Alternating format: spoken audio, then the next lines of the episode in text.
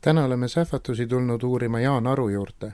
Jaan Aru on ajuteadlane, kes on üle kümne aasta olnud uudishimulik, kuidas meie aju töötab ja õpib. Jaan ise ütleb, et oma valdkonnani jõudis ta seetõttu, et teda huvitavad just suured küsimused. ta kutsub üles aju treenima, süvenema ja pingutama, sest loovus vajab tema sõnul tohutut järjekindlust ja distsipliini. küsimusi esitavad Piret Jeedas ja Indrek Maripuu. head kuulamist!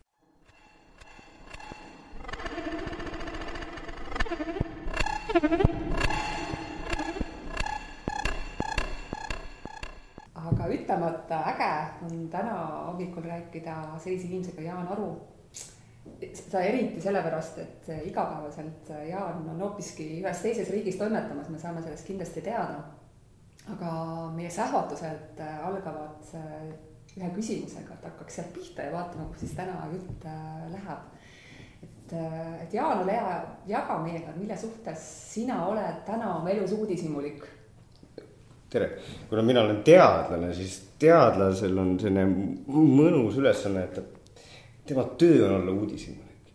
ja, ja siis erinevad teadlased on uudishimulikud erinevate asjade suhtes, mõni on uudishimulik tigude suhtes, mõni on mingite füüsikaosakeste suhtes, mina olen no juba üle kümne aasta uudishimulik olnud selle kohta, et kuidas meie aju töötab.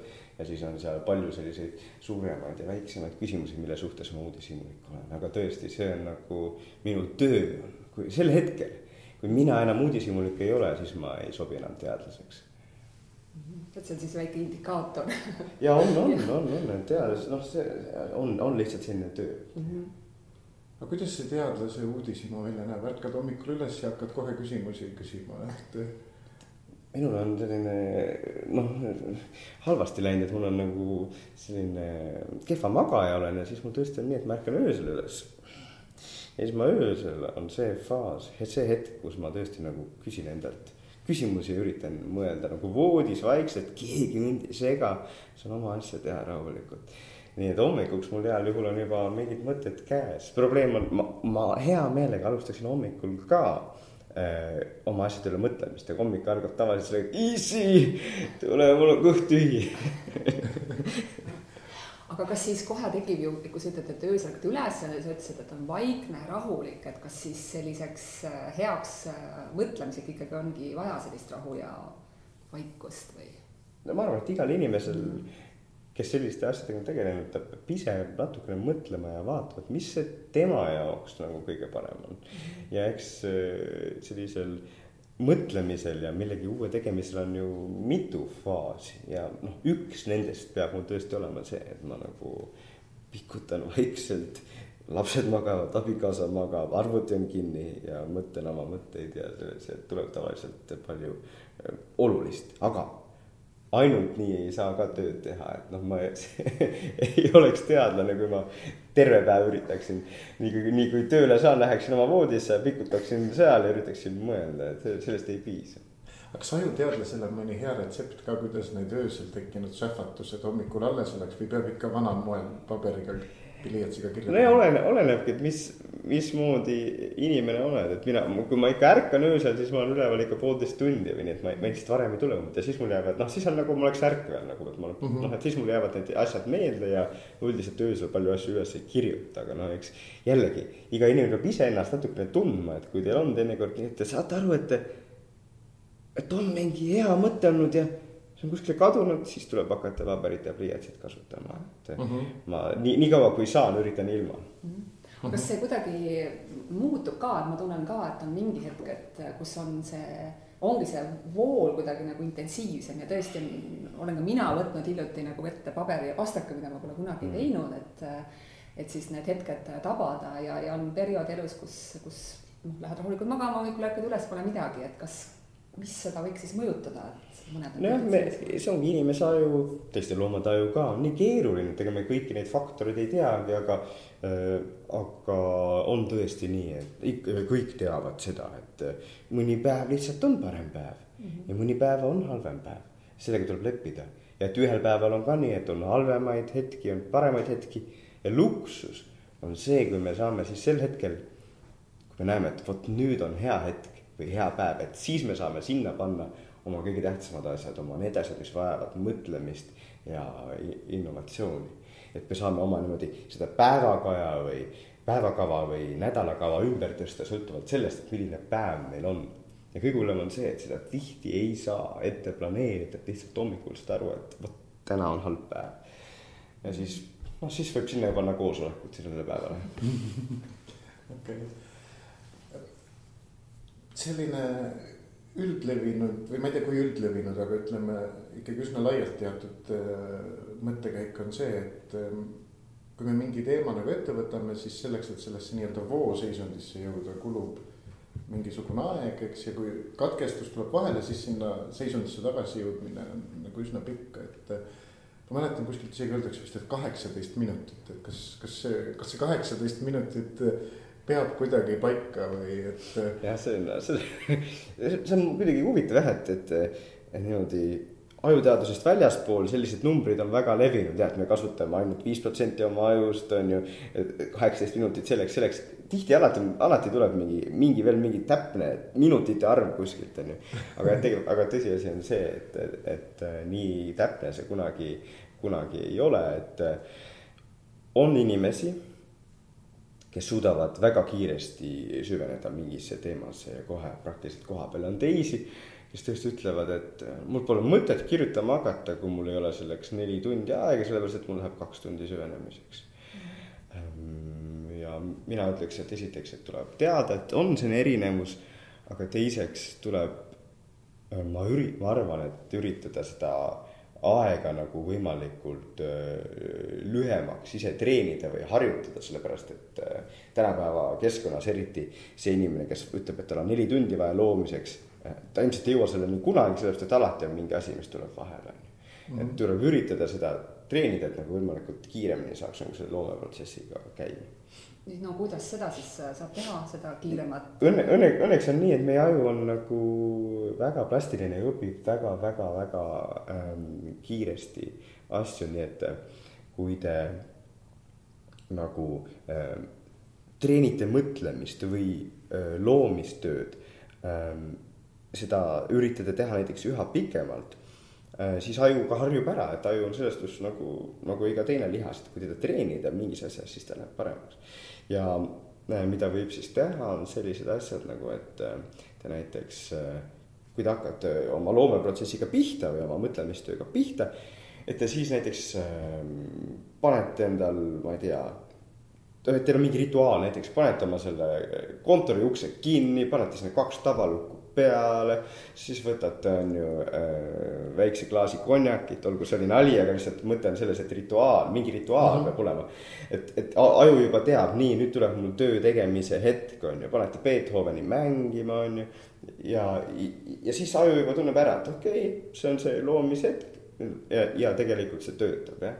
aga seda peab natukene harjutada, natuke treenima, aga sellised väiksed nipid iseenesest, et on mingid asjad keskkonnas, mis aitavad ajul ka paremini keskenduda no sihuke järjekindlus kõlab siit läbi, et. ei ole, et teed kaks asjad. korda ja kolmas kord juba läheb, ikka mingi. kõik asjad ja see ongi, see on natuke probleem selle kogu selle loovuse teema ümber, et inimestele tundub, et loovus on midagi, et istun või jalutan kuskil ja siis järsku tulevad kõige paremad ideed. ei, loovus on, vajab tohutult järjekindlust ja distsipliini, et sa nagu teed ja teed ja teed ja teed ja teinekord aastaid teed, enne kui sa siis midagi tõesti väga head teed mm. -hmm aga see ikkagi ei välista seda, et ma jalutan äh, metsas ja mul tekib mingi seos no mingi seos võib tekkida no. muidugi, no iga päev tekib, tekib äh, seoseid, kui ma lastega mängin, tekib kogu aeg mingeid seoseid, jah, aga noh. lõppude lõpuks, mis loeb ja mida me ju tahame saavutada, on see, et see loov idee või see innovatsioon, et see oleks nii hea, et põhimõtteliselt tõesti nagu maailmas esimest korda, eks on ju.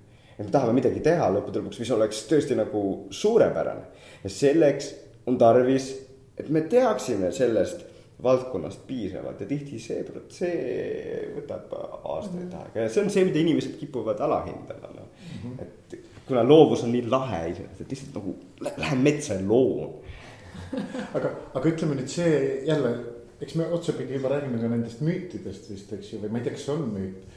aga seesama jälle selline klassikaline nõuanne, et istud, töötad intensiivselt mingi teema kallal.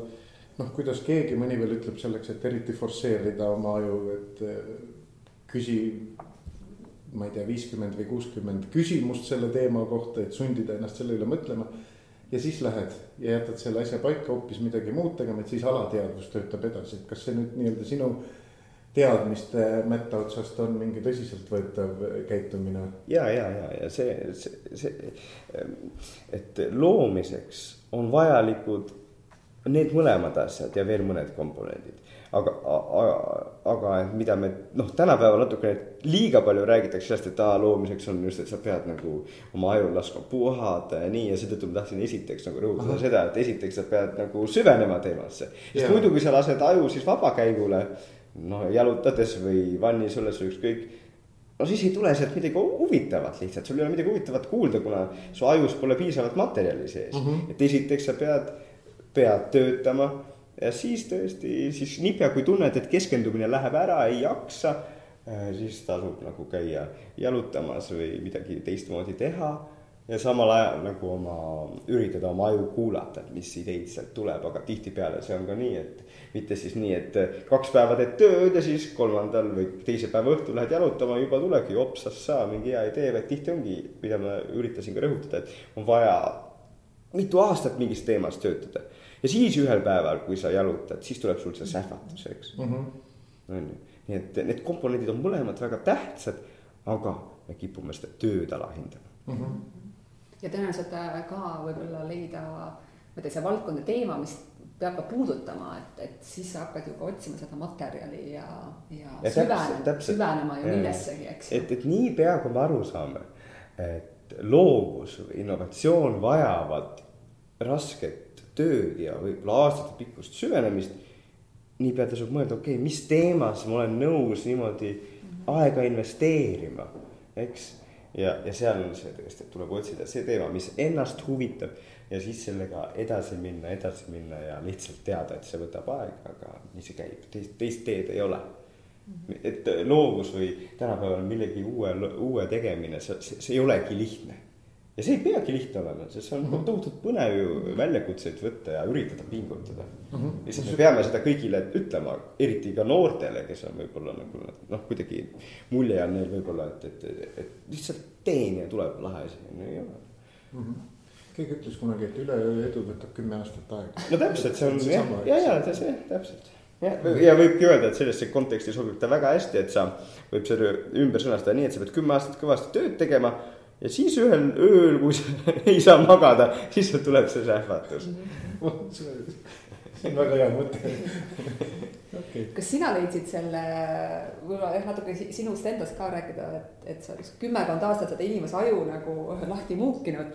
et kuidas sina jõudsid selle oma teemani, et äh, oli see väga lihtne ära, äratundmine või, või kuidas sinu teekond endas? tõesti, see oli isegi natuke imelik, ma, kui ma olin gümnaasiumi lõpus, siis ma, ma mõtlesin veel, et ma tahan minna õppima majandust või juurat.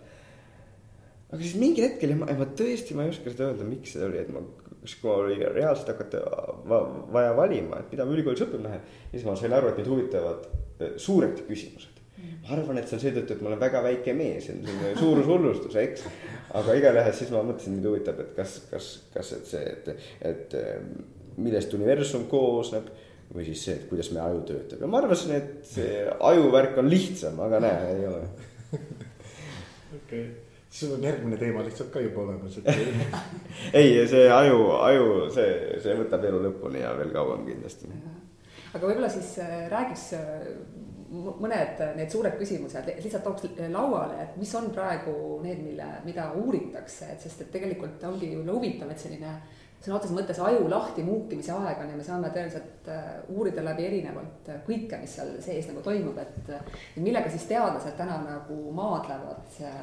No nagu ma alustasingi sellest ka, et teadlane on selline uudishimulik äh, liik, eks ja siis ähm, tõesti kõike uuritakse noh, kõik, kõik, mille, mille, mida inimene suudab välja mõelda aju kohta küsimusi, seda ka uuritakse.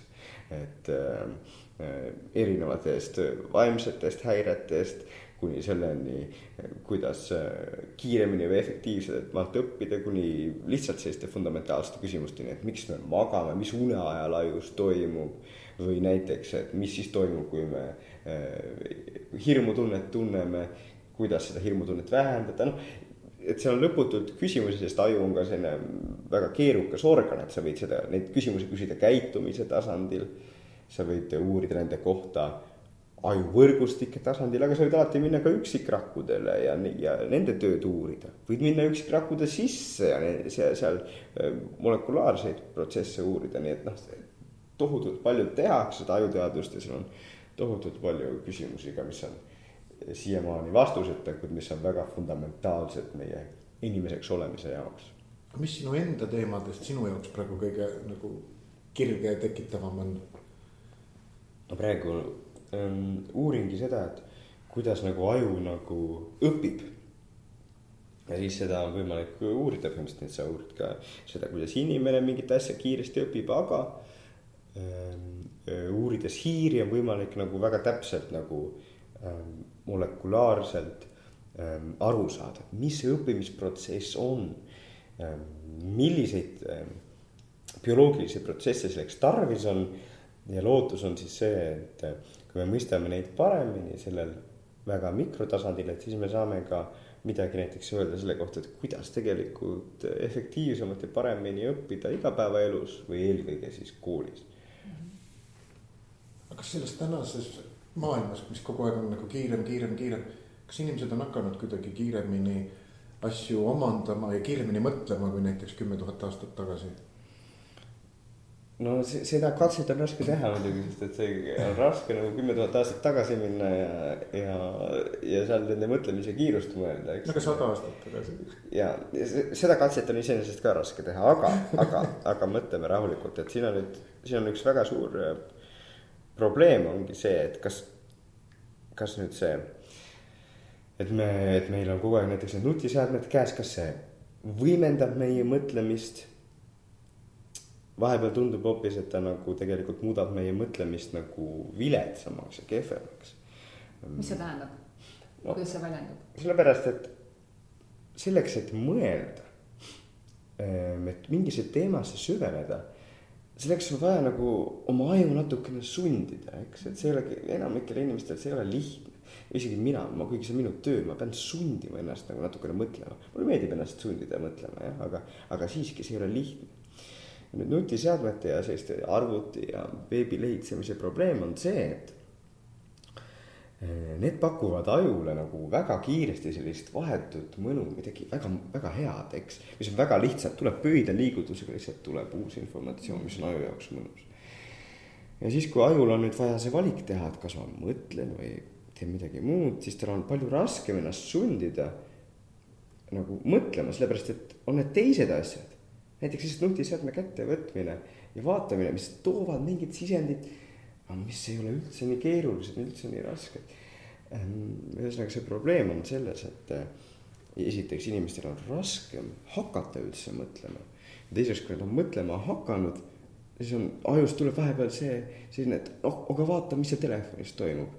oota, ma vaatan, ma lihtsalt korraks vaatan Youtube'i midagi, on ju, noh ja kuna need mõtted, need võimalused eksisteerivad, siis inimesed muidugi ka langevad nende küüsi, noh, me kõik teame, et see, et see on väga raske, minul on see väga raske, kuigi ma olen ajuteadlane ja nendest probleemidest teadlik, eks. ja siis lõppude lõpuks, mis juhtub, on see, et tihti see mõtlemisprotsess saab olema kas palju lühem, kuna osa sellest ajast läheb nutiseadmetele või ta üldse ei algagi, sellepärast et inimene ta on seal kahe vahel kuidagi, kas ma hakkan mõtlema või ei ja siis mõtleb, täna tegelikult tegelikult on ikka päris vilets päev, jah, mul on ainult kaks tundi siin. vahepeal ma vastan paar meili ära ja siis, siis ei, ei tehtagi midagi. siis ei olegi mingit mõtlemist, mingit loovust, mingit innovatsiooni mm. -hmm. nii et ma ütlen, et selles suhtes ühelt poolt internet, nutiseadmed võimaldavad seda, et näiteks noor inimene, kes midagi kohta teada tahab saada, ta saab kiiresti nagu uurida seda infot, ta saab infot kiiremini kätte, ta saab kiiremini süveneda. aga teiselt poolt nad võtavad ära osa sellest aju mõtlemisvõimest, nii et äh, siit ka see vastus, et osati oleme kindlasti nutikamad ja saame infot kiiremini kätte. aga teiselt poolt me võib-olla mõtlemises oleme kehvemad kui sada aastat tagasi või viiskümmend aastat tagasi. sest lihtsalt mm -hmm. keskendud, keskendumine on raskem meil tänapäeval mm. -hmm. meil on nii palju neid segavaid asju mm. -hmm.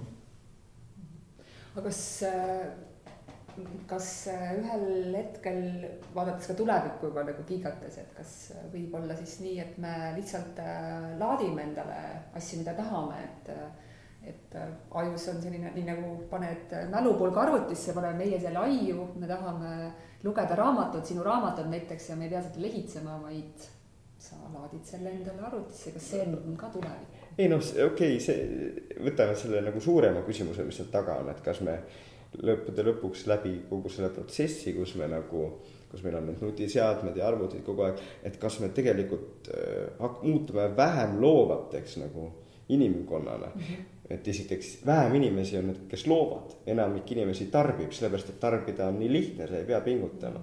enamik inimesi ei pinguta oma aju, eh, kuna nad saavad selle info kätte, mis neil vaja on. ja, ja ma, tundub, et praegu vaadates, et see tõesti läheb nii. et on inimesi, kes teavad seda probleemi ja siis nemad üritavadki selle vastu võidelda, on ju, noh, et siin äh, olete kuulnud sellest, on ju, et äh,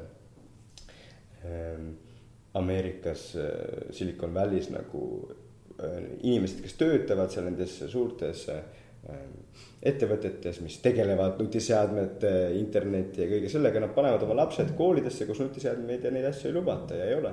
sest nad saavad aru, et see asi muudab lapsed vähem loovamaks ja vähem äh, mõtlevaks. eks nii, et ma loodan ja arvan, et kahtlemata jääb neid inimesi, kes nagu ka edasi loovad, aga see oleks juba päris kurb, kui enamik inimkonnast oleks lihtsalt tarbijad, eks noh, eks praegu see ole ka nii, aga ma ütlen, et see osakaal veel võib väheneda. ja selles suhtes oleks muidugi vahva näiteks siin väikeses Eestis seda teemat rohkem üles tõstatada ja.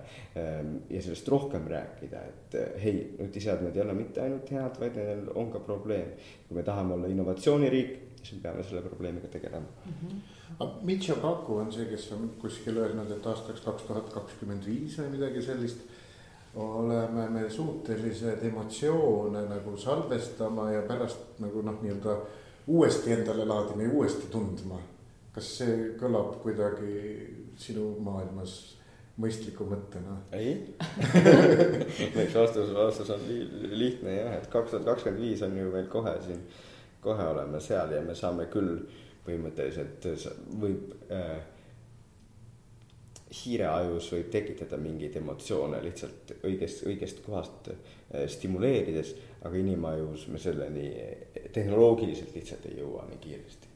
noh, põhimõtteliselt on tõesti võimalik, et kui meil oleks mingi super tulnukate tehnoloogia, mille abil me saaksime õigeid äh, närvirakke õiges mustris stimuleerides, me saaksime mingeid emotsioone taastoota või mingeid mälusisusid otse taastoota ajust, aga noh, aga praegu see on, see on kõigest äh, nagu äh, utoopia või noh, selline ulme.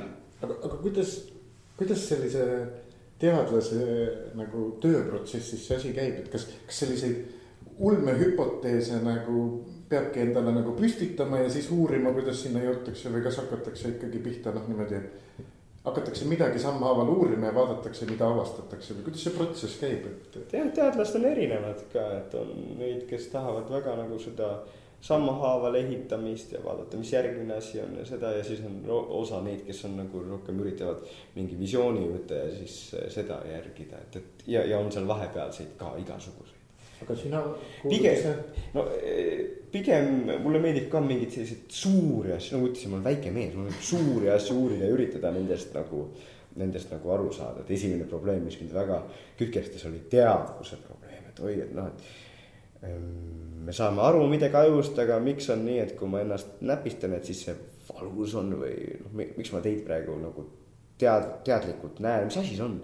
ja noh, aga praegu ma tegelen natukene lihtsamate asjadega, see, see oli liiga, liiga suur probleem minusuguse mehe jaoks aga sinu enda töö, kas see on pigem selline üksik uitamine ajuteadlasena või, või kui palju seda koostööd äh, on teiste teadlastega, et äh, noh, võib-olla siin käivad müüdid, et teadlased on pigem omaette kusagil kabinetis mõtlevad ja laboris no, ketlid seljas ja, ja vähem võib-olla koostööd, aga kuidas tegelikult see sinu maailmas käib? ei, teadlased on jällegi ikka igasuguseid on, osad on väga sellised jutumehed ja, ja teised on tõesti nii, kes tahavad oma asja teha ja keda ei tohi segada ja ma arvan, et kindlasti, kahtlemata mina olen rohkem jutumees aga, aga äh, see kõige parem on seal, kui sa oled seal vahepeal, et sa suudad teha väga hästi nagu laboris tööd.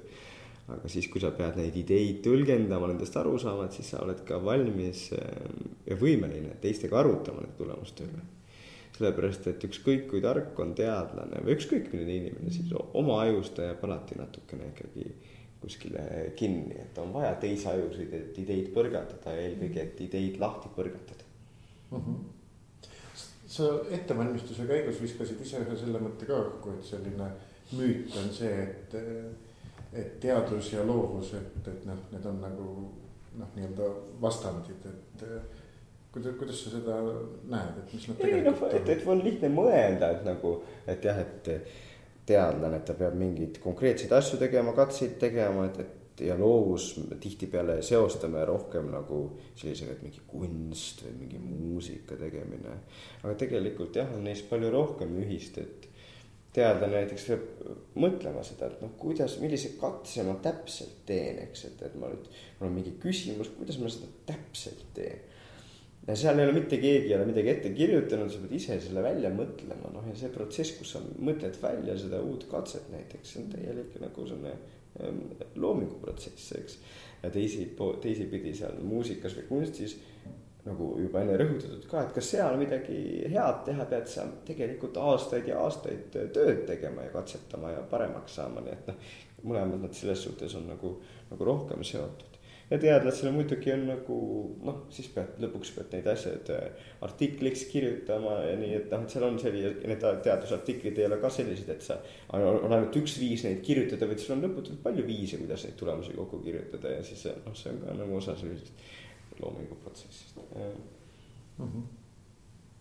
aga kas selles protsessis on kuskil see hetk ka, mida noh, nii-öelda loomingu inimesed, need teised loomingu inimesed lisaks teadlastele kirjeldavad, kus vahepeal tekib selline noh, must auk nii-öelda, et teed, teed, teed, teed ja siis ühel hetkel on see tunne, et noh, mul ei tule siin mitte midagi järgi, eks, ja see on see, kus noh, paljud jätavad pooleli ja lähevad tagasi, ütlevad, et ei tulnud välja. ja teised ütlevad, need edukad, et tegelikult see on see normaalne loomise protsess ja sellest tuleb nagu läbi minna, et kas see kuidagi seostub ja, ja et, et see noh, see on jah, ongi igas loomises käib nii see. Ja kui me mõtleme, selle pealt see, olen mitu korda öelnud, et see võtab mitu aastat, siis muidugi sel ajal on ka selliseid raskemaid hetki, kus ei tea, kuidas teha, ei tea, kuidas edasi minna, samamoodi ka teadlaste töös. ja mis see lahendus on, siis ongi üks on, üks võimalus on käia, on ju, teha midagi muud vahepeal. teine väga hea lahendus on lihtsalt in, teiste inimestega nendest asjadest rääkida sest meie ajud on piisavalt erinevad, et teistel on nagu teistsugused perspektiivid ja, ja ehk, ehkki minu, see, mis ma teen, on ju sügav ajuteadus, siis ma tegelikult räägin sellest teinekord isegi oma abikaasaga, kes ei ole üldse ajuteadlane, eks ja ma tean küll, et igal juhul ütleb mulle esimese asjana, et see on mõttetu värk, mis sa teed. aga kui ma siis ütlen, et rahu äh,, katsume konstruktiivselt selgitada, siis ta lõpuks ta annab mulle tavaliselt nagu paar sellist päris head sisendit, mis ma, mis panevad mind mõtlema ja ma näen seda uue, uue, uue nurga alt, nii et ma. kui ma noorem olin, siis ma kuidagi võib-olla arvasin, et ma olin ise piisavalt, olen ise piisavalt tark, aga nüüd.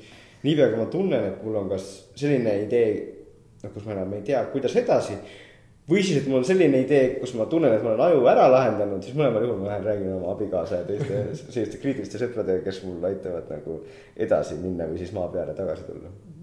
jah, võib-olla vahepeal ongi hea selliste eri valdkonna inimestega põrgatada oma ideid, et. ja, ja et, et ainus, ainus, mis on tarvilik, on see, et see teine inimene võtaks kümme minutit, et lihtsalt kuulata ja süveneda sellesse, mis sa räägid ja noh, ise pead muidugi seda piisavalt lihtsalt selgitama, mitte et sa kasutad neid erialatermineid ja teine midagi aru ei saa, vaid lihtsalt sa üritadki seda selgitada lihtsalt.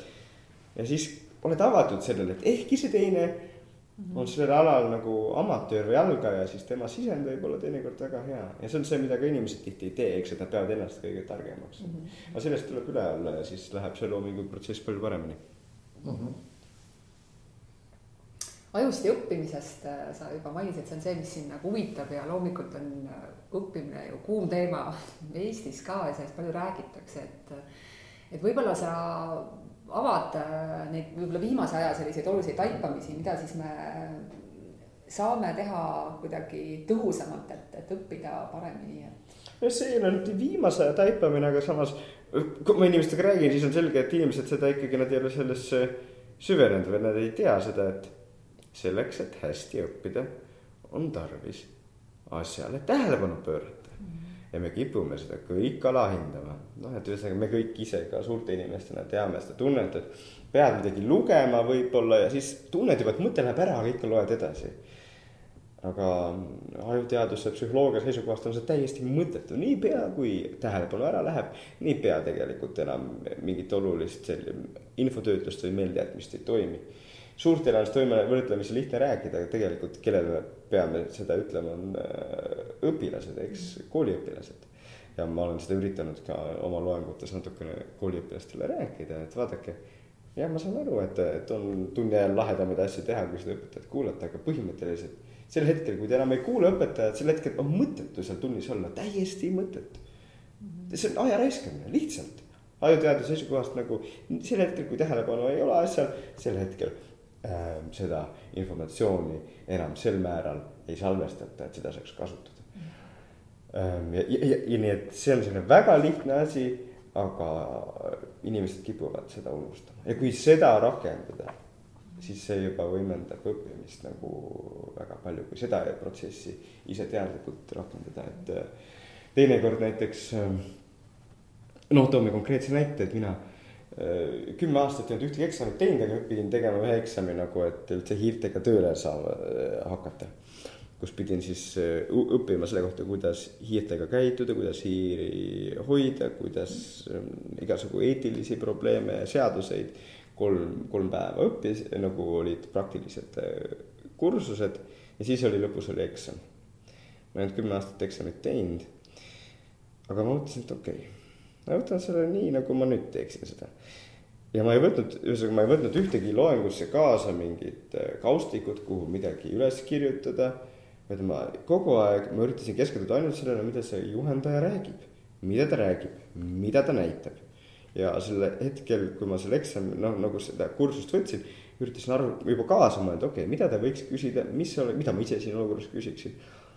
Ja lõpuks oligi nii, et siis need ähm, teised kursakaaslased, neil olid mingid paksud mapid, mis nad olid sinna kokku õppinud, on ju, ja, kirjutanud selle asja jooksul, mul ei olnud mitte midagi, aga ma sain läbi nagu nemad. noh, et, et lihtsalt seda, sellest, et ma kasutasin ära oma tähelepanu ja see oli raske, päeva lõpuks ma olin väsinud, aga lõppude lõpuks jah, see töötas hästi. aga võib-olla see ongi nagu huvitav praegu avada natuke rohkem, sa räägid sellest keskendumise tähtsusest, et äh, sina kui selline ütleme, teadlik täiskasvanu, sa võtsid selle nagu fookusesse, et kui palju see keskendumine midagi, mida loomulikult saan, tõenäoliselt ma, arvan, üks vastus on see, et ma saan ise seda, ma panengi selle fookuse paika ja ma olen tõesti, ma võin olla kõige igavamas loengus näiteks aga ma olen siin otsustanud olla ja ma keskendun ja, ja tõenäoliselt see on minu valik, eks ju.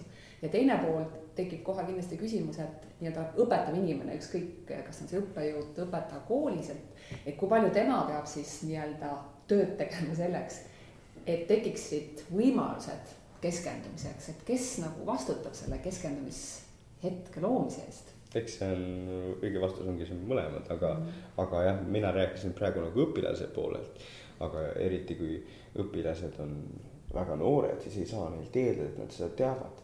Ja siis ongi nagu õpetajal äh, ka vaja sellega tööd teha, aga oleme täpsemad äh, tegelikult on vaja tööd teha ka lapsevanemal kodus, eks. et me ei saa ja, ja see on täitsa ebaaus nagu öelda, et kodus õpilane, kodus on laps, siis ta võib kogu aeg olla nutiseadmes, koolis. mis asja, ta ei kuula koolis, tegelege selle probleemiga ei, see probleem, et lapsed ei kuula koolis, tuleb sellest, et kodus nad ei ole õppinud keskenduma, nad ei ole aru saanud sellest. Ja see on lapsevanemate viga. Ehm, või noh, et nii, nii on halb öelda, aga ütleme, et, et seal peaksid ka lapsevanemad tööd tegema, et kõik peavad tööd tegema, lapsevanemad, õpilased ja õpetajad. ja tegelikult mulle tundub, et noh, et siin ma loodan, et et kui sellest teemast nagu rohkem teatakse, et siis saab nagu ka neid asju täpsemalt eh, reglementeerida, et osa asju nagu eh, muutagi nagu, et, et näiteks ei, ei tohigi olla nutiseadet eh, klassis kaasas või nagu seal vähemalt laua peal on ju noh, või isegi laua all. ühesõnaga, et ja, ja siin võib edasi küsida, et mida siis õpetajad võiksid teha või mida lapsevanemad võiksid teha, et kui tahame, tahad, võime sellest ka rääkida. aga mida, sul on endal kahe ja nelja-aastane mm. laps, et mida sina teed? ja siin ma kohal ma alati ütlengi, et ma saan kõikidest lapsevanematest aru mm. -hmm. super lihtne oleks see nelja-aastasele kätte anda see nutiseade. las ta istub seal, on ju, siis saan mina oma asju teha, kõik hästi, eks. aga nagu paar korda siit läbi kõlanud juba. head asjad ongi rasked ja me peamegi pingutama ja me peamegi lapsevanematena ka vaeva nägema. et, et kõik saaks äh, nagu parem ja selles suhtes siis, kui mul see nelja-aastane seal jaurab, siis ma üritan pingutada oma aju ja välja mõelda see tegevus, mida me suudaksime praegu teha, kus mina pean ka osa võtma mis teda, teda rahustaks ja rahuldaks, eks, ja need asjad tihtipeale ei ole väga mõnusad, ma vihkan, absoluutselt vihkan voltimist, eks. kõige vastikum asi maailmas, eks, aga ma olen nõus seda tegema, minu laps. et ta, et ta saaks mingit sisendit et ei peaks seda sisendit võtma nutiseadmest. nii et ähm, ma, ma arvan, et see on, ähm, siin tasub seda öelda, et, et, et jah, et head asjad vajavadki pingutamist, sealt ei ole mitte mingit teed ümber ei ole et kui me tahame midagi head, siis me peame pingutama kõiges, ka lastega mm. -hmm. ma nende müütide kohta ikkagi veel siin nagu kuulan ja mõtlen, et eh, no üks selline tegelikult ümber lükatud müüt, aga võiks võib-olla ikka sellest kohast alustada, see aju poolkerad, et loov ja, ja ratsionaalne, eks ju, et ma ei tea, üks on üks ja teine on teine, et ja, ja täna vist on pigem seisukoht, et need ei vasta tõele, eks, et. ja, ja et seda palju üks väga mõnus müüt jah, et oi, parema ajupoolkera inimesed on loovamad inimesed ja vasaku ajupoolkera omad on ratsionaalsemad ja siin on tore selles suhtes, et ajuteadusega me saame selle küsimuse lihtsalt, väga lihtsalt otsustada, eks. me kutsume katsesse matemaatikud, ratsionaalse poole omad, me kutsume katsesse kunstnikud, nii-öelda loovamad, eks. ja siis vaatame, kuidas nende aju aktiveerub ja mõlemad kasutavad oma äh, loomeprotsessis Ehm, mõlemat ajupoolkera ja ei ole nii, et ühel oleks ühtepidi ja teisel teistpidi. noh, nii et see, see on väga lihtne otsustada ja öelda, et see. aga, aga kust see müüt tuleb või mis selle juured on tihtipeale on nagu, et, et, et need kuskilt lihtsalt tulevad ja noh, need nagu igasuguste ideedega, et tänapäeval on ju see, et Youtube'is lähevad siis videod lähevad, on ju. kõik vaatavad ja nii igasugu lollust, eks on ju. ja, ja oli, on, on see olnud ka varem, et kui mingist mingist ütleme eneseabiraamatus keegi lihtsalt mõtles selle välja näiteks, kuskilt kuulis valesti, sai midagi valesti aru. on ju, et siis see asi lihtsalt hakkas levima, aga tõsi on see, et tegelikult siis äh, kuuekümnendatel, seitsmekümnendatel uuriti neid ajupoolkerade erinevusi natukene. ja siis nagu leiti, et on teatud erinevusi aga seal nagu selles uurimustöös otseselt nagu ei näidatud küll, et parem poolkera oleks, oleks kuidagi loovam või, või vastupidi lihtsalt, aga et uuriti nende ajupoolkerade erinevusi ja ilmselt siis sealt keegi sai midagi valesti aru ja siis läks see lugu, kõigile meeldis ja nii äge, noh. noh, aga ongi, et noh, lihtne nagu retsept on see selle kohta, et kui te kuulete aju või meie mõtlemise kohta mingit liiga lihtsat asja, mingit minutite arvu või mingit üks mm -hmm. pool teeb seda, siis teate, et see on vale, noh ajus on kõik alati keerukam. aga, aga Kahnemani see süsteem üks, süsteem kaks, eks ju, kiire mõtlemine, aeglane mõtlemine, kas see kuidagi loovuse konteksti pannes annab mingit, mingisugust teadmist? kuidas sa ise paneksid selle loovuse konteksti? ma ei tea, kas sa pead kuulajale üldse ka selgitama lühidalt, et mis see nagu on, et no ütleme, tema kontseptsioon on ju see, et see süsteem üks ehk selline kiire mõtlemine on sellised automaatsed äh, tegevused, mis me teeme. või need, kus aju arvab, et ta teab lahendust ja saab automaatselt, eks, ja siis, siis aeglane mõtlemine, see, kus, kus me oleme sunnitud süvenema, et, et mingisugust olukorda nagu ära lahendada, on ju. noh, mu enda mingisugune tunnetus ütleb, et ilmselt selles samas kiires mõtlemises me kipume noh, mingisuguseid võimalusi võib-olla märkamata jätma, sest noh, me, me kihutame mingitest nurkadest üle. aga ilmselt nad otsapidi ikkagi noh, on jälle tervik, mida on selles loomise protsessis mõlemat vaja. ja muidugi selles suhtes, et kui, kui sa oled mingis teemas süvenenud mitu aastat, siis need asjad, mis sul esimesel nädalal, esimesel kuul, võib-olla esimesel aastal vajasid seda mõtlevat aeglast süsteemi, siis need neljandaks, viiendaks aastaks, needsamad asjad juba liiguvad sul mööda mm -hmm. seda kiiret süsteemi. nüüd sa mõtled ja investeerid ressurssi keerulisemate asjade peale. see niimoodi meie aju töötab, et niipea kui mingi asi on selge, siis selle saab automaatselt ära teha.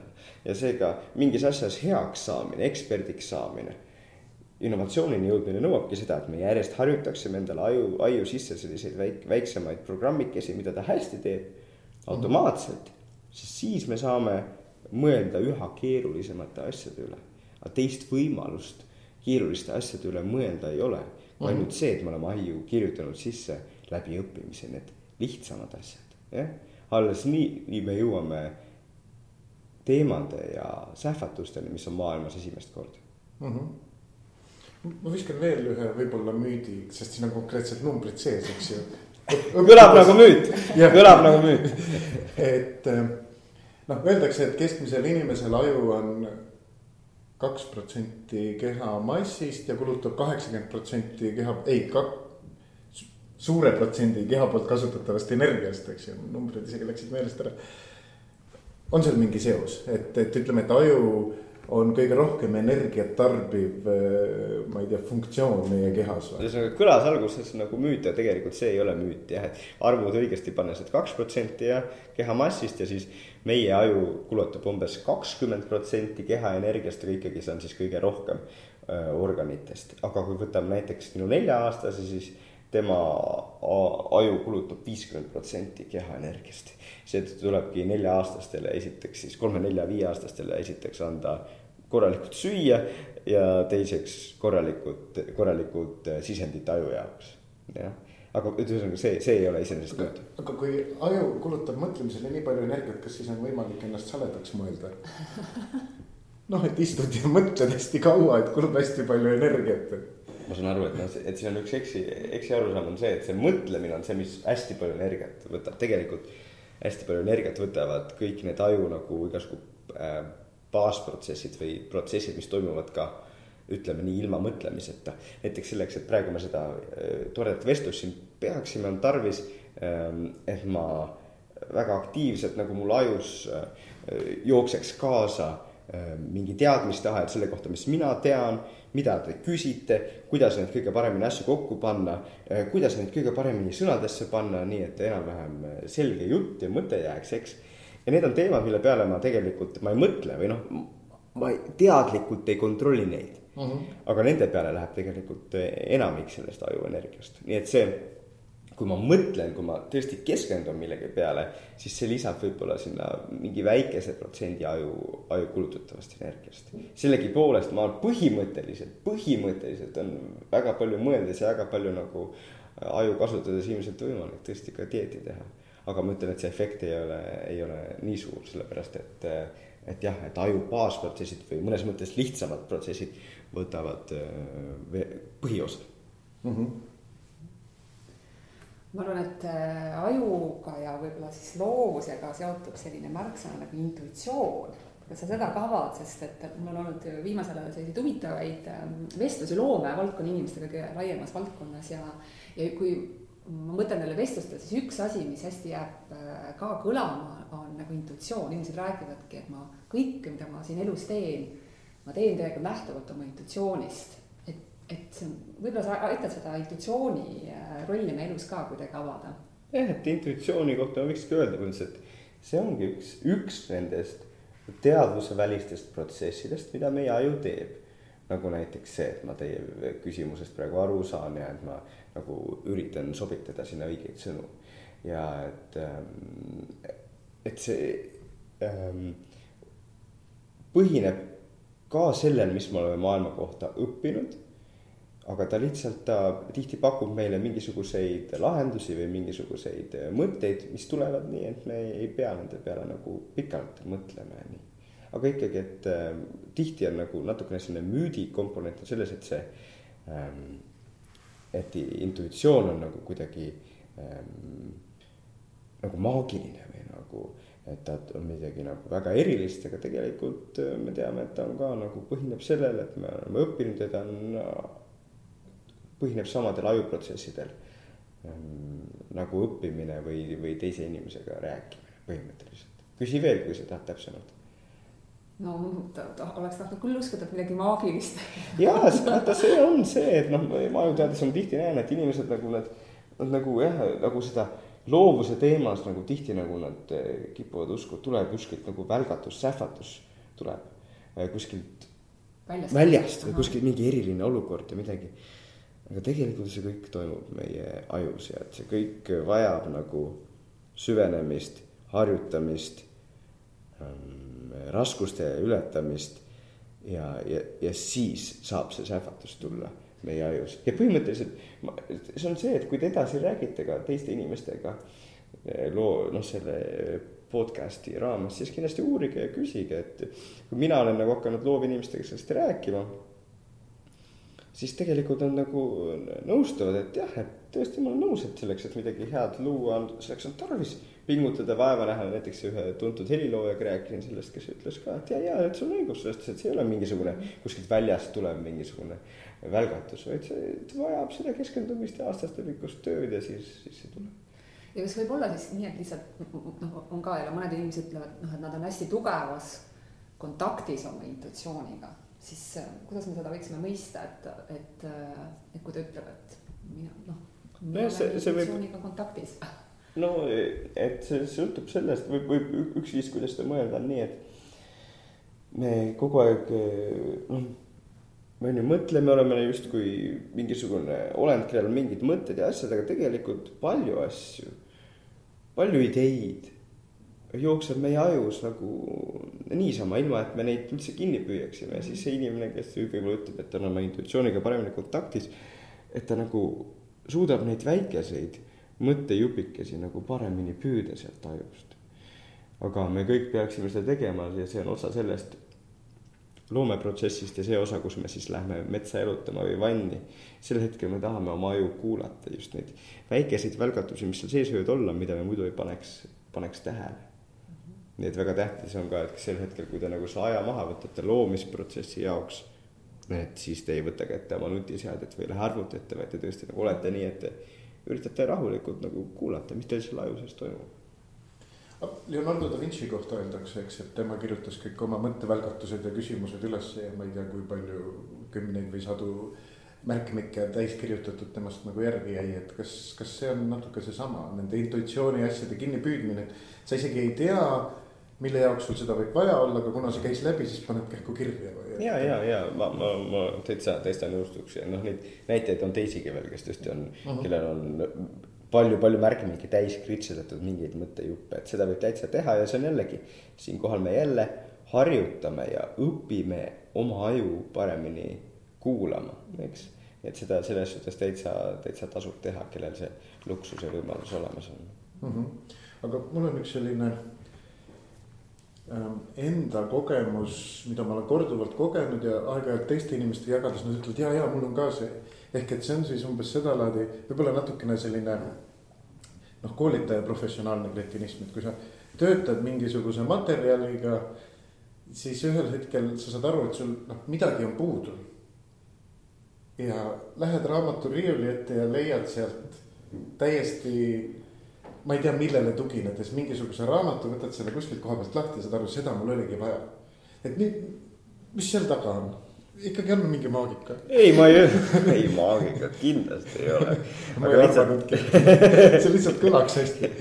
aga lihtsalt teatud protsessis, teatud hetkel, kui me oleme kinni, meil ei tule uut mõtet, siis võiks öelda, et iga uus mõte on, on vajalik uus mõte selles mm -hmm. suhtes, et nii, et see, seda nippi võib täitsa kasutada, lihtsalt ei tasu uskuda, et see on siis mingi jumalik kokkusattumus yeah.. Äh, aga, aga põhimõtteliselt noh, see on sama nagu teise inimesega rääkimine, teise inimesega rääkimine annab rohkem tagasisidet, aga täitsa uute äh, mõtete jaoks võib täitsa mingi suvalise raamatu avamine täitsa hea olla.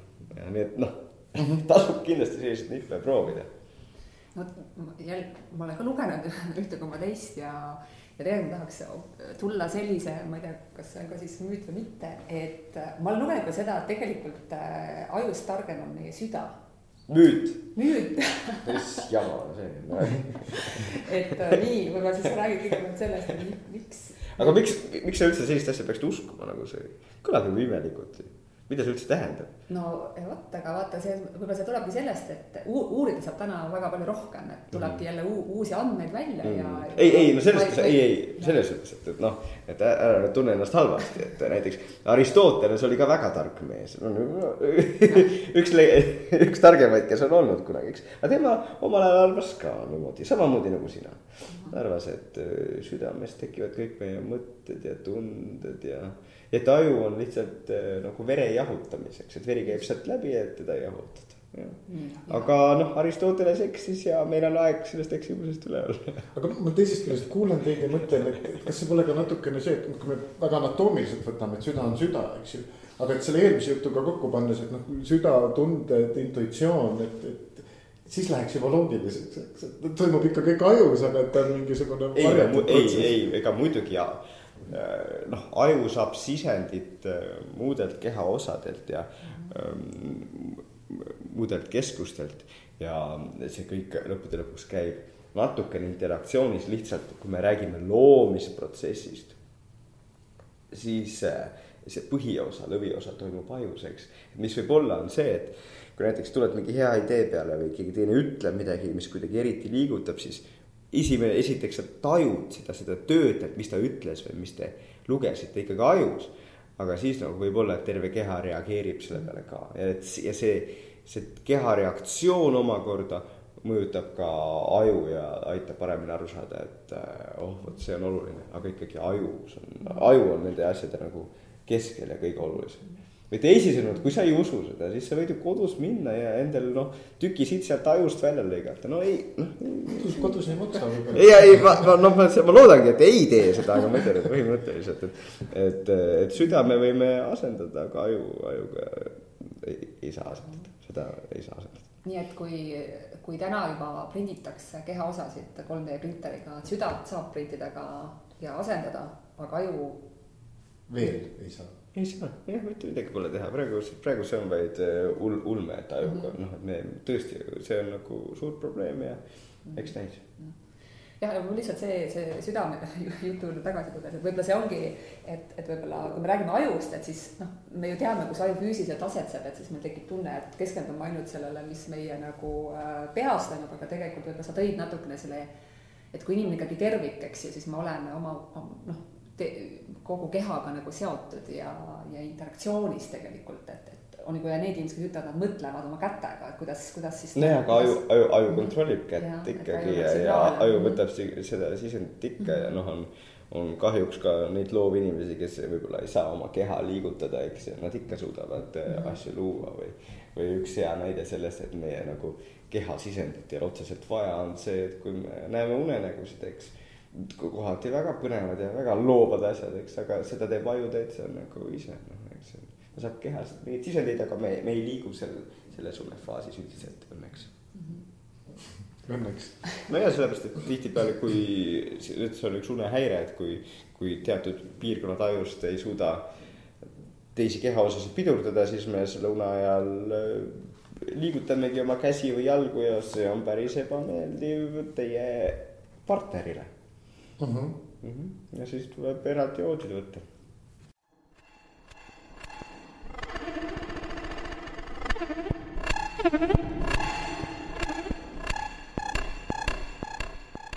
üks asi, mida mina hästi palju kasutan, on selline juhusliku sisendi inimestele nagu noh, nii-öelda etteviskamine, eks, et nad on defineerinud mingisuguse väljakutse ma ei tea, tabureti tootja, et kuidas järgmine kvartal rohkem taburette müüa, eks. ja siis üks kiht mõtteid on ju noh, need, mida on sada korda räägitud, osasid on proovitud ja nii edasi. aga selleks, et midagi täiesti uut äh, luua, siis, siis meil on ja üks tehnika, mis lihtsalt viskab sellise juhusliku sisendiga pilte nagu ette. ja, ja tegelikult on seal selline aja aja nagu tärmin pandud noh, kolmkümmend sekundit, mille jooksul siis iga osaleja individuaalselt noh, paneb oma mingi sellise spontaanselt pähe tulnud nagu mõtte kirja. ja seal on siis lühikese ajaga võimalik see ideede hulk nagu hästi suureks ajada, on ju. ja, ja noh, ega ma ei ole seda ise välja mõelnud, ma otsapidi olen selle kuskilt üles noppinud, kuskilt psühholoogide töömaalt just seesama juhuslik sisend, eks. aga see üldiselt töötab nagu päris hästi, on ju, ja minu selgitus, mis ma endale olen sinna juurde siis mõelnud, ongi just see, et et see ei lase meil nendest samadest noh, mugavustsooni asjadest nagu kinni võtta, vaid noh, mida sa alguses ka viitasid, et on vaja ennast sundida mõtlema, sest sul on vaja mingi uus seos enamasti luua, et kas ma olen nagu õigel teel, et see. ja, ja et, et üks probleem meie ajus ongi, et kui me mingi asja üle mõtleme, siis meie mõte kipub nagu sedasama rada minema alati mm. -hmm. sest ajus tõesti siis luuakse neid radu ja siis sedasama rada pidi minna on lihtne, kui te leiate ennast ühelt ja samalt rajalt juba mitmendat korda, siis tasub tõesti üritada midagi teistmoodi teha. noh, sellest me rääkisime ka, et tasub teiste inimestega rääkida.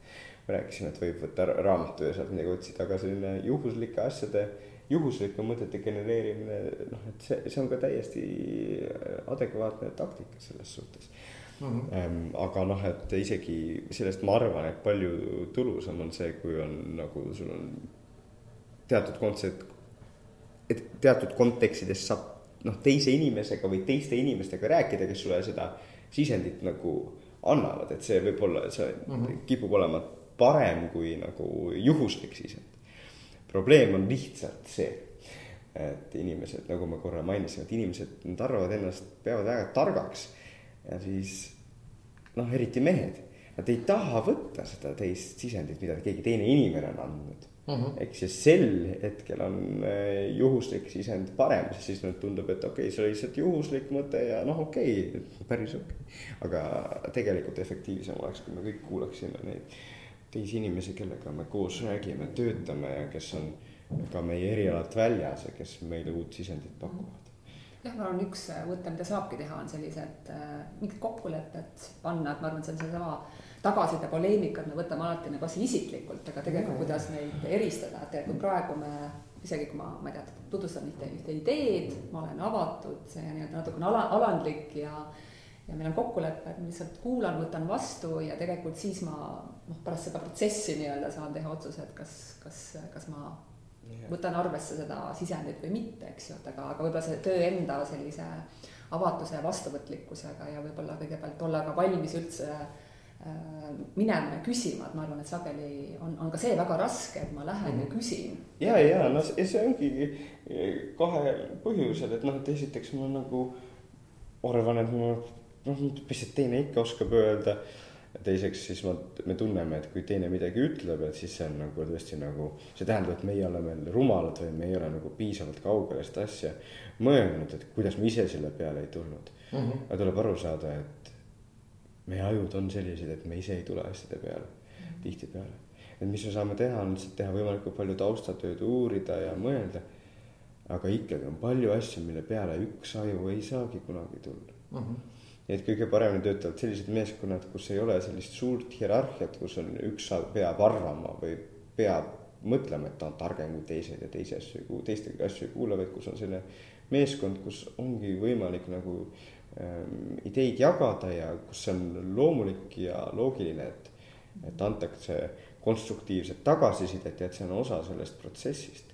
ja eks no osad inimesed on ka, ka väga viletsad tagasiside andjad, eks, et nad mitte ei ürita nagu kõigepealt öelda, et tegelikult see on päris hea idee, aga need alustavad kohe pärast seda, eks on ju, et see ei tööta, see ei tööta, see ei tööta ja muidugi, kui see on sinu idee.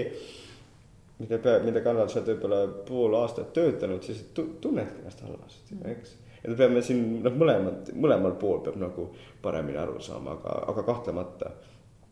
seda tuleb teha ja see on kahtlemata üks innovatsiooni aluseks mm. -hmm ja, ja ma arvan, see on hästi palju, millest mm. räägitakse, on selline psühholoogiline turvalisus, usaldus, et tegelikult need kohad, kus äh, võib olla ka nagu kriitiline, saab juhtuda ikkagi siis. ja, ja see, see on selline asi, mida on kõige lihtsam nagu noh, ettevõtetes eriti nagu no, kõige lihtsam on vaja parandada, kõige lihtsam on parandada lihtsalt seda ettekannet ei tohi kuulata mingid jorsid, kes nagu arvavad, et nemad on maailmas kõige targemad kõik peavad aru saama, et ideed on kõik teretulnud, tuleb arutada, keegi ei tohi liiga pikalt rääkida, keegi ei tohi domineerida ja siis need asjad sünnivad, eks. ja siin noh, jah, küsige. aga kui siit otsapidi minna nüüd selle juurde, et mida me nagu muuta saaksime, võib-olla mitte nendes üksikutes organisatsioonides mm., vaid, vaid haridussüsteemis, et sa ennem korraks puudutasid, et noh, üks oli see nutiseadmed ja kool on ju mm., aga et, et kui sul oleks äh, paar asja, mis sa saaksid äh, koolisüsteemis nagu lähtuvalt oma erialastest teadmistest nagu muuta või, või, või täiendada, siis mis need oleks? esimene asi oleks see, et tunde peaks vähem olema ja nende vahel võiks olla eh, kas kohati pikemad pausid või lausa nagu võimaluse lastele, et, et kes tahab, saab nagu tukastada. sellepärast, et äh, väsinud ajuga õppimine on täiesti mõttetu, see on nagu mitteõppimine. me ise teame seda ja ise ka ei tohiks teha, et kui meil on ikkagi äh, vaja järgmine päev heas vormis olla ja luua, mõelda, siis me peaks üritama öösel korralikult magada. kui me öösel korralikult magada ei saa, siis peaks üritama sel päeval teha asju, mis on nagu vähem loomist, loomist vajavad aga õpilastel samamoodi, et sel hetkel, kui nad hakkavad tunnis haigutama või panevad lausa silmi kinni, sel hetkel on selle aja raiskamine. ja minu arvates on selge see, et eh, siis on nagu mõttetu panna nii palju tunde, et võib nagu pigem natukene hiljem kooli alustada, natukene vähem teha, aga et need, et sel hetkel, kui õpilased tunnis on, sel hetkel vähemalt kõik üritavad keskenduda ja nagu ja, ja seda maksimaalselt kasutada. teisipidi, kui me, et vähem, aga saab rohkem Mm -hmm. et kui me tegime vähemat efektiivsemalt, me kokkuvõttes saame tegelikult rohkem, õpilastel on rohkem aega magada, oma huvide, huvidega tegeleda ja nii edasi, et see on üks asi. ja sellega kaasas võib käia siis see ka, et nagu õpilastel peaks olema koht või võimalus nagu tegelikult äh, tukastada ähm,. ja siis mu teine asi, mis on kindlasti tähtis, on see, et ähm, õpilased peaksid saama nagu rohkem ise teha või arutada, et see nii-öelda, kus see selline õppe, õpetamisviis, kus õpetaja seisab ees ja räägib midagi, see lihtsalt ei ole efektiivne sellel põhjusel, et raske on seda tähelepanu hoida. raske on hoida tähelepanu, kui üks tädi või onu kogu aeg selle ees seletab ja mm. -hmm et isegi kui sa üritad, noh, ma tean oma kooliajast ka, ma olin väga hea õpilane, aga ikkagi läheb see tähelepanu vahele ära. et siis tuleb üritada nagu mingeid teistmoodi asju teha, vahepeal kas mingeid harjutusi või, või natukene grupitööd, eri olenevalt vanusest või mingeid asju välja mõelda, noh, et. et oleks võib-olla mingid kümne-viieteistminutilised lõigud, kus teeme ühte asja, siis teist asja. ja jällegi, et tegelikult saab nii palju rohkem efektiivsemalt mm. -hmm jääb veel üle mõelda, kuidas need äh, ettepanekud siis koolisüsteemi. ja, ja see ongi see probleem, eks, et noh, koolisüsteemi muutmine on praktiliselt võimatu, noh, või noh, väga raske, et. mina olen ka selline sinisilmne ja alati räägin inimestega sellest ja kõik ütlevad mulle, see on võimatu seda asja muuta, aga noh kui ei proovi ja kui ei räägi ja kui ei alusta, siis on selge, et siis ei muutu mitte midagi, eks mm. -hmm. et tuleb inimestega rääkida ja vaadata, et kus need inimesed kokku saada ja siis anda endast parim, ega, muud, muud, muud ei ole mm -hmm.. jah, ja õnneks ikkagi juba selliseid häid näiteid ja algatusi ka on, et ma arvan, et. ja, ja, ja. et, see on selline tõusele tulenev, et. ja, ja ei ole asi lootusetu ja noh, aga midagi noh, tuleb rääkida, teha ja nagu öeldud juba, et kõik head asjad on rasked mm. -hmm. aga ikkagi mulle meeldis ka see, et, et vähem, aga saab rohkem. vot see on ka hea mõte ikkagi. see on hea slogan, eks me tahaks rakendada. ma olen seda, ma olen seda kogu aeg endale öelnud ja näed, nüüd ma selle. kinnitus et, et jah, pigem keskenduda vähem ja nii edasi. aga, aga see tegelikult lihtsalt, et, et, et öelda siin, et see ei ole mitte ainult õpilaste kohta, vaid see käib meie kõigi kohta, kui ma olin doktorantuuris ühesõnaga siis eh, noh, seitse aastat tagasi, siis ma töötasin kaheksakümmend tundi nädalas. ja nüüd mul on kaks last, mul ei ole võimalust ega aega töötada kaheksakümmend tundi nädalas, ma teen nelikümmend tundi nädalas. aga ma arvan, et ma teen seda tööd efektiivsemalt, paremini, kuna ma olen mõelnud, kuidas seda teha ja ma saan vähemaga rohkem. Mm. -hmm kas on aeg meie viimase küsimuse? no proovime, proovime, kui eks siin ma arvan, et või võikski võiks rääkida jaa, ma lihtsalt vaatan. Et keegi ei jaksa kuulata ja siis, kes, kes veel praegu meid kuulab, see, see on võitja.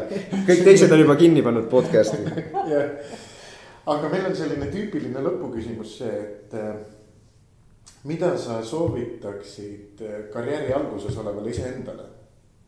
eks, eks ta läheb kokku selle viimase asjaga, mis ma ütlesin ka, et, et ei ole vaja palju töötada, vaid on vaja hästi töötada. on vaja efektiivselt teha neid asju. Ähm, ja, ja kindlasti, et on, on tarvis äh, keskenduda sellele alati, mis nagu endale meeldib.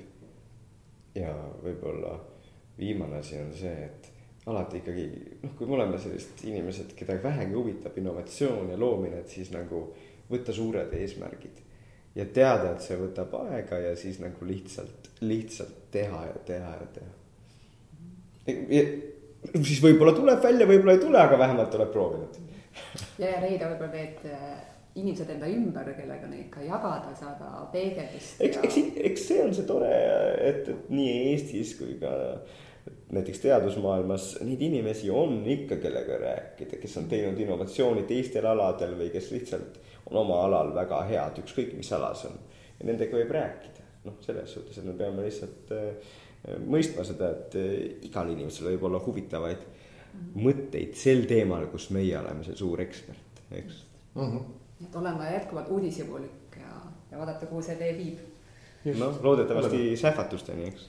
jah, aga aitäh. aitäh teile. aitäh.